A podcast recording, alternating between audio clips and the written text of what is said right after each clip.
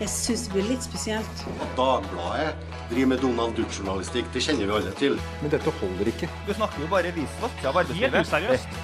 You are fake news. Go ahead. Velkommen til uh, siste med Marie Simonsen. Denne gangen også uten med Marie Simonsen, men alltid når vi er da uten Marie Simonsen, har vi fortsatt uh, gjester. Og vi har med oss Ola Magnussen uh, Rydje, kommentator i studio her. Men gjesten, da, det er Åge Borchgrevink, forfatter av boka 'Giganten'. fra Statoil til Equinor, selskapet som forandret Norge. Velkommen. Tusen takk. Grunnen til at vi har invitert deg uh, hit, er jo ikke bare det at uh, uh, vi i Dagbladet er veldig interessert i, i, alt som har med klima og oljeindustrien å gjøre, men også fordi du nylig har sluppet denne boka, og du har selv også hva skal man si, kastet deg inn i debatten om Eh, om Equinor sin, eh, sin reklamekampanje de, de, siste ukene, som, som har vakt en del, eh, en del, reaksjoner. Det er altså en, en, stor reklamekampanje som de har hos Schibsted gjennom da Aftenposten sine forklarte podkaster, annonsørinnhold der, og samtidig også annonsørinnhold og artikler i i VG. Eh, og i regionavisene går jeg ut fra det er ikke helt eh, oversikt over, men det stemmer kanskje? Pluss plakater over hele byen, f.eks.? Ja, riktig. Um, hvis dette, her er, dette er på en måte et utgangspunkt for å snakke mer om eh, Equinor og da Statoil, siden du har skrevet om selskapet fra, eh, helt fra starten av og, og fram, til, eh, til i dag. Men jeg tenkte vi kunne begynne der. Hva er det med den eh, reklamekampanjen som du reagerer på? Først og fremst så er det jo veldig eh, litt sånn pussig. Altså, eh, Equinor har ingen kunder i Norge. De selger ingenting her. Eh, allikevel så har de en så stor og så påkostet og så omfattende reklamekampanje, så man kan jo lure litt på, på hvorfor det. Eh, men det er klart, vi er jo alle sammen eiere. Eh, og det er jo staten som er hovedeier, hovedaksjonær i, i, i Equinor. Slik at det er jo en, en, fin påminnelse om det. Men jeg, jeg tror at selskapet, når de gjør dette, ser at det er en behov for å kontrollere historien om olje i Norge i dag, for den er kanskje i ferd med å løpe litt av gårde fra dem. Mm. Og hva er det de ønsker å fortelle da? Nei, da er det jo en på en måte eh, ganske fin historie, da. Det er jo veldig flott fortalt, dette her. Eh, selve den reklamefilmen omhandler da en mor og hennes 16 år gamle datter, altså på alder med Greta Thunberg f.eks. Mm, det er den som har gått i VG? Som har gått ja. i VG. Mm. Um, og da er det de vanskelige spørsmålene, sier selskapet, som blir tatt opp, da. Uh, skal vi fortsette å utvinne olje, og osv., osv. Um, det kommer jo kanskje ikke noe helt klart svar, men, men uh, det virker som mamma klarer å overbevise datteren da, om at dette her eh, Å fortsatt satse på svart, slik selskapet jo i hovedsak gjør, altså eh, lete etter olje og utvinne olje og gass, eh, at det er en, en, en, nødvendig ting, fordi kloden trenger mer energi. Eh, ja, og eh, så liksom mitt utgangspunkt for å ta opp det der, er at jeg syns at uh, jeg, jeg, kunne forestilt meg noen litt mer vanskelige spørsmål som datteren ikke stilte, da. Eh, så det, det, det, er jo en reklame. Eh, det er jo ikke et reelt intervju mellom med mor og datter-situasjonen. Nei, når man ser det så blir man jo litt i tvil. Hele, hele innpakningen av denne affæren her virker jo som en, en og det er jo til dels også seriøs eh, type informasjonsvirksomhet om dilemmaer, for det er jo noen i, i olje, oljebransjen. Men først og fremst så tenker jeg at det er en, en, en, måte å ramme inn debatten på, og det her er Equinor eksperter på. Og i historien min så har jeg mange eksempler på det tilbake, ja, langt tilbake fra hvordan de på en måte ønsker å gå ut av en rolle der de må stå til ansvar for en masse ting som skjer, overskridelser, miljøsaker, aktivister som blir skutt i andre land der Statoil har virksomhet osv., og, så og tilbake til en mer tilbakelent posisjon hvor de rammer inn eh, debatten på den måten de gjør i denne kampanjen her. Mm. Eh, sånn som jeg ser det, så er jo dette også Det spiller jo inn i, det inn i den politiske debatten. De ønsker å være eh, De ønsker å ja, ramme, eh, ramme, inn debatten. De ønsker å ta tak i en oljepolitisk debatt som, som er litt kritisk for, for, Equinor. Fordi nå er det diskusjon om, eh, om stopp i utvinning. Eh, og den, altså den grønne bevegelsen har fått økt oppslutning i kommunevalget, og man ser kanskje at MDG Eh, vil kunne havne på vippen ved neste stortingsvalg. Og, og da vil jo selvfølgelig de ha et, et krav om, eh, om, en eller annen form for restriksjon på oljevirksomheten. Tror du at Equinor tenker så eh, spesifikt når de eh, når de lager en sånn kampanje som dette, eller at det er motivasjonen deres? Jeg tror de tenker enda bredere enn det. Altså, um, Oljepolitikken i dag hviler jo på et sånn form for stilltiende kompromiss mellom Arbeiderpartiet og Høyre. De er liksom eh, de såkalte motpolene i norsk politikk, men de er som sånne hemmelige elskere som møtes på bar til nattestid og avtaler da hvordan tingene skal være eh, rundt oljen. Eh, og i det eh, på en måte helt tause kompromisset så ligger jo en eierskapspolitikk, bl.a. Altså eh, Norge, staten, er hovedaksjonær i to tredjedeler eller noe slikt, altså en, en veldig stor majoritet i Equinor. Men hele eierskapet eh, forvaltes på en armlengdes avstand, som det sier, kun gjennom utnevnelse av styrer som historisk sett ikke har vært veldig aktive i å på en måte eh, styre, kontrollere, etterprøve en del av valgene til Equinor. Så jeg tror dette her er en bønn om å opprettholde status quo på den eh, måten der. Um, så det er både dette eierskapet, og selvsagt også ligger en hel masse ting i det. Bl.a. det du nevnte da med sånn uh, muligheten til å lete på norsk sokkel. og Eh, skatterefusjoner, eh, altså ting som gjør det enkelt å lete etter og, prøve å utvikle nye prosjekter. Men kanskje også et forsøk på å ikke snakke om alle de vanskelige tingene. Og det jeg har vært særlig opptatt av, og på en måte skrevet mye av i boken min, er jo eh, hvilken katastrofe eh, eh Eh, Equinor har Statoil har vært i utlandet. Mm. Altså på flere forskjellige måter. Vi skal, vi skal, komme litt tilbake til uh, i det. Uh, vi i pressen, uh, jeg vet ikke om vi liker å kalle oss det, men vi er blitt fått tilnavnet fjerde, fjerde statsmakt. I boka så kaller du Statoil for den femte, eller Equinor da, for for den femte, femte statsmakt. Hva, hva, mener du med det? Jo, det var, det var egentlig arbeidstittelen min på boka. Um, jeg tror forlaget følte at den ble litt for sånn statsvitenskapelig. Mm. Mm. Um, jeg har jo på en måte prøvd å skrive en sånn en folkeopplysning, en sånn bredere historie om, om selskapet. da. Men jeg syns begrepet er ganske godt, da, fordi det, eh, det har noe å gjøre med Altså Hvis du trekker, går litt tilbake igjen, så uh, er det en, en høyrehistoriker som het Francis Sejersted, ganske kjent for, for mange, på 90-tallet beskrev han eh, fremveksten av det han kalte for det oljeindustrielle kompleks. Det høres litt konspirativt ut. Eh, det er kanskje det.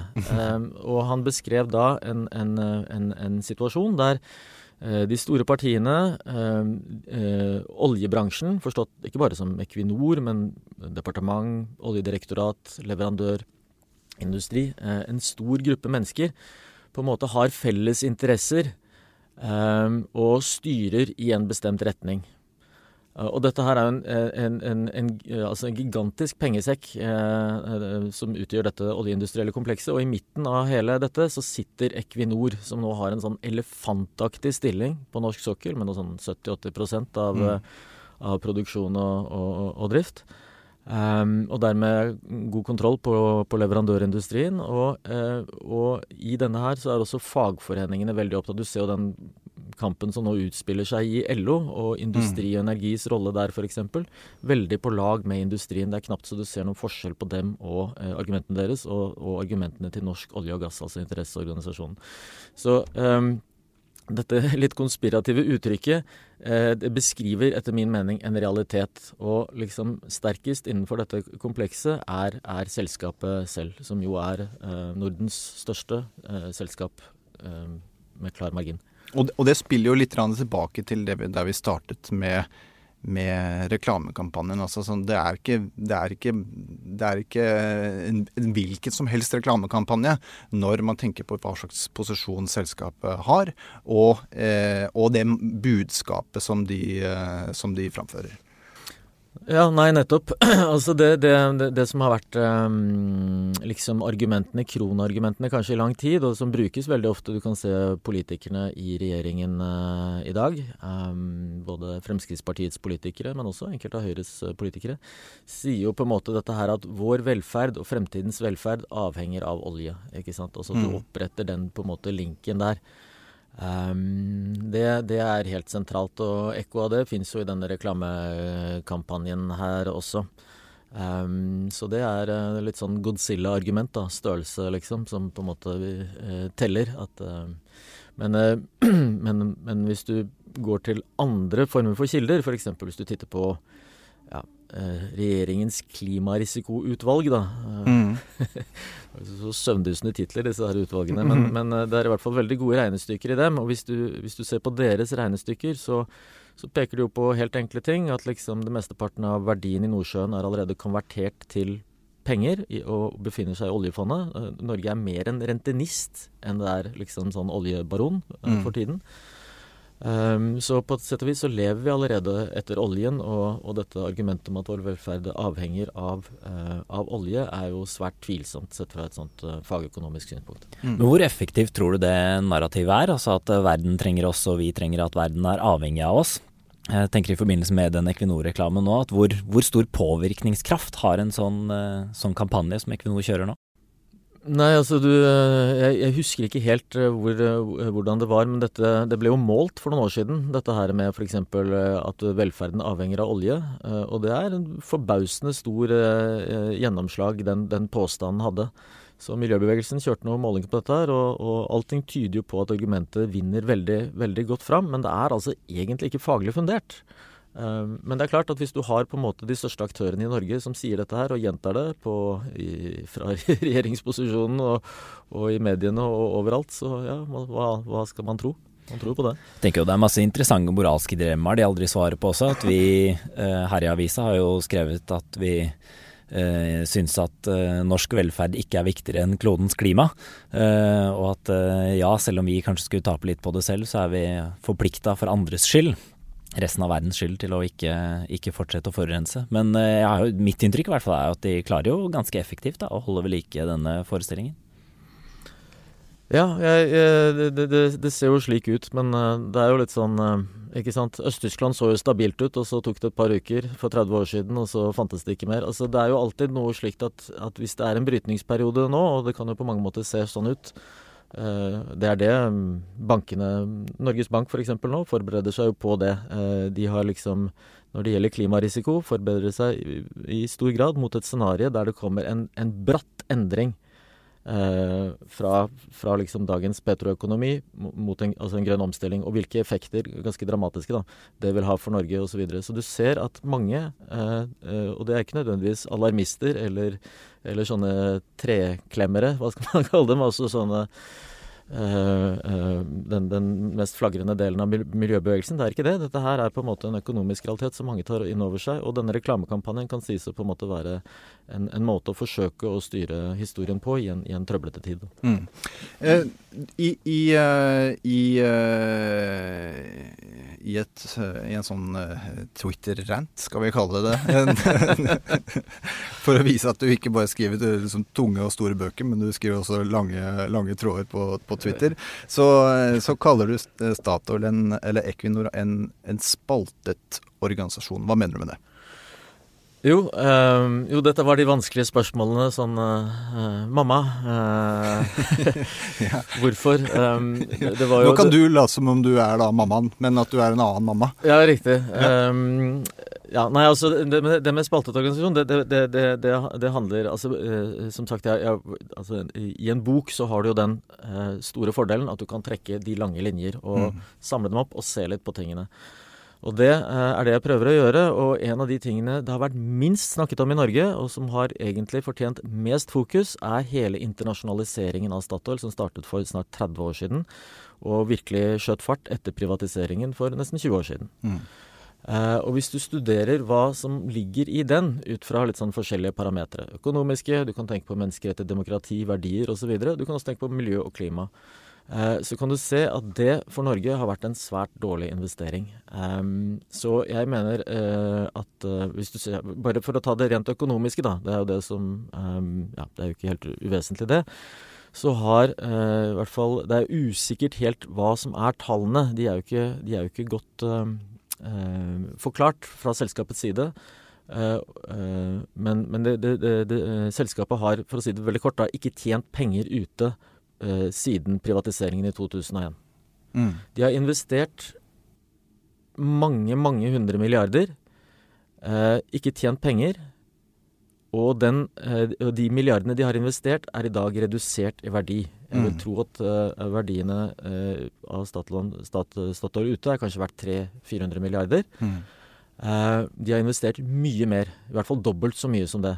Så eh, hvis du da ser at liksom eh, Dette her er jo eh, pe våre penger, da. Vi er jo selskapet. Mm. Så hvis du da har tatt Nordsjøpenger og, og brukt en, en ja, over 500 milliarder i hvert fall på dem ute, minst 600 ute, um, og gjort dem mindre uten å tjene penger, Vel, Det ville vært lurere å putte dem i oljefondet, for da ville det vært uh, omtrent ha doblet seg. Mm. Så hvis du, hvis du, tenker på uh, For det, det, tenker jeg er en nyttig måte å tenke rundt verdier på, for å liksom anskueliggjøre Altså dette med milliarder som flagrer blir veldig sånn rart. Men, men, men, men, å sammenligne fondet, fondets liksom avkastning og dets vekst mot hva som har skjedd med, med uh, Statoil der ute, er en interessant måte. Og Da ser du at på en måte selskapet har vært en katastrofe ute, men Norge har gått så strålende for Statoil at det dekker opp. Så totalen for selskapet er ikke så verst. Litt dårligere enn en andre store oljeselskaper, men slett ikke noe krise. Men det, er, det, det, skjuler altså det faktum at Norge er fantastisk, utlandet er horribelt. Mm. Og, det, og i boka di så kommer du jo også inn på, eh, på altså delprivatiseringen av, av, Statoil, nå Equinor. Eh, og, og, du eh, Ja, hva skal man si? Når man har sett at, eh, at investeringene ute har eh, skutt fart etter delprivatiseringen, så skulle man jo kanskje mene da at da har egentlig ikke forvaltningen av selskapet eller oppfølgingen av selskapet vært, eh, vært, vært god nok. Er det det samme vi kan eh, frykte vil skje nå som de på en måte møter en ny utfordring, som er da overgang til en, eh, til en grønn økonomi? Ja, det, det, det, det, mener jeg. Altså, jeg syns um, Jeg syns ærlig talt den historien om eh, Equinor og hvordan det har gått med selskapet de siste 20 årene eh, altså Det viser at den eierskapsmodellen da, som Høyre og Arbeiderpartiet liksom har funnet fram eh, i, sammen, altså dette her med å ha en armlengdes uh, avstand til selskapet, har fungert ekstremt dårlig og har ført til at veldig store verdier er tapt. Og at det, jeg synes det er et sånn klart varsel at dette må, bare, dette må gjøres noe med. Og det blir dobbelt viktig, fordi selskapet er jo, som du nevnte nå, spaltet også på en annen måte. Eh, spaltet i en, i, en, i en, del som går i, i retning eh, grønn, grønt skifte, nye eh, energiformer osv. Og, så og de har jo faktisk hatt veldig stor suksess med en sånn teknologi de har utviklet eh, i løpet av 2000-tallet. Eh, som er en sånn flytende eh, vindmølle, da. En mm. turbin. Kom egentlig fra Hydro, kom inn i Statoil via fusjonen og ble utviklet og satset på der i en periode hvor veldig mye annet uh, ikke ble det. Så det er jo på en måte en positiv historie for, for, for Equinor, det. Um, så de har vist at de, at de kan levere litt der, og der er det jo et, et vekstpotensial som er helt enormt. Mm. så det er jo en spennende ting. Men fremdeles er jo selskapet i i ekstremt stor grad gira på svart og eh, kjører veldig aggressivt, f.eks. i Australia. Eh, ukjent for folk flest. Eh, men i, i, områder som er eh, Ja, det er liksom eh, Australias eh, Lofoten, Vesterålen, kan du si. da. Så, mm. så går selskapet inn for å, for å starte et sånt stort nytt leteprogram. Uh, under beskyttelse av en, uh, for å si det mildt, ganske sånn uh, kull- og olje- og gassvennlig regjering der borte. Mm. Eh, men frykter du, at den, altså, frykter du at den eierstrukturen som vi har i dag, vil hindre en omstilling av selskapet? Ja, jeg ja, altså Jeg tenker litt I boka mi så, så ønsker jeg ikke å jeg, Da prøver jeg å peke på eh, liksom mm. disse dilemmaene, og jeg mener at det er et sånn klart dilemma. Jeg, jeg sliter litt med å, å, ta stilling til det helt selv, men det går an å trekke to forskjellige lærdommer ut av det. Og jeg tror kanskje Høyre og og Arbeiderpartiet, hvis de på en måte tenker på sin egen historie, eh, vil trekke nettopp to eh, forskjellige lærdommer ut av det. For én mulighet er å selge er å partere selskapet og selge hele utlandet og si at det der eh, får de ta ansvaret for selv og holde på med selv, liksom. Eh, og Det ville jo vært en, en form for høyreløsning. Privatisere, eh, dele opp og privatisere utlandet. Og Det mener jeg ville vært i tråd med hvilken rolle Høyre historisk har hatt i oljen, da, som på en måte AS Norges bokholder. Mm. Boka mi handler jo mye om øh, oljekrigen i Norge, mm. Norge altså mellom, mellom, Høyre og Arbeiderpartiet, og hvor Høyre kom inn på 80-tallet på et tidspunkt hvor Statoil var blitt så svært at det liksom kontrollerte Ja, det sto bak 60% av investeringene i industrien. Helt vilt, liksom. Mm. Det var, hadde liksom tak på absolutt alle kystkommuner og, og, og kunne skalte og valte i Stortinget og ja, i det hele tatt.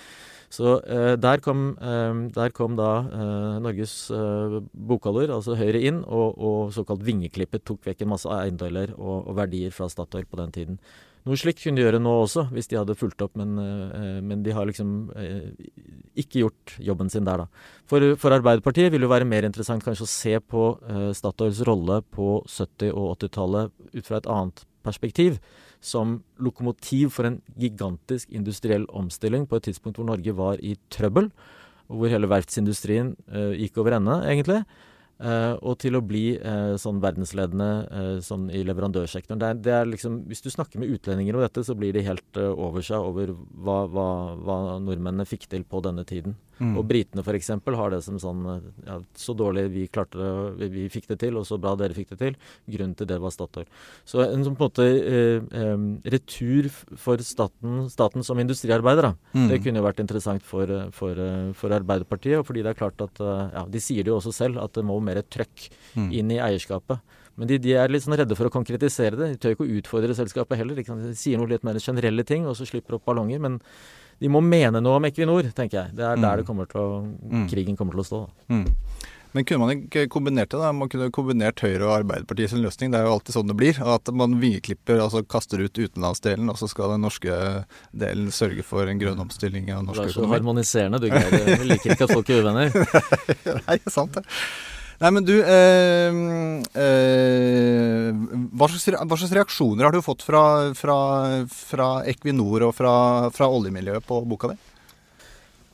Um, det, det, er litt sånn delt. Altså, i, dette her er jo et uautorisert prosjekt. Det var min uh, egen idé, og jeg har holdt på i, i, veldig mange år da, med dette. Uh, og uh, fått en del hjelp av selskapet, som har liksom stilt til rådighet og vist meg litt rundt her og der. Og folk har kommet til intervju og, og slikt. Men det har også vært litt vanskelig. De har ikke gitt meg tilgang til en god del av sitt arkivmateriale på en måte jeg syns er litt besynderlig. Jeg tenker på liksom ja, hvem det eies av, hvor stort det er i Norge, så skulle du tro at de ville være litt mer eh, hjelpsomme med å gi, gi, meg tilgang til arkiver.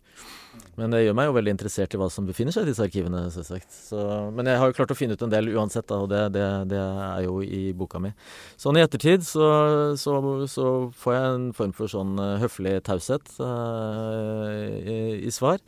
Og så er det jo mange oljefolk som har lest uh, boka. Uh, på forskjellige Jeg har jo vært rundt en del på Stavanger, Rogaland-traktene, Haugesund og, og, og om, omkring.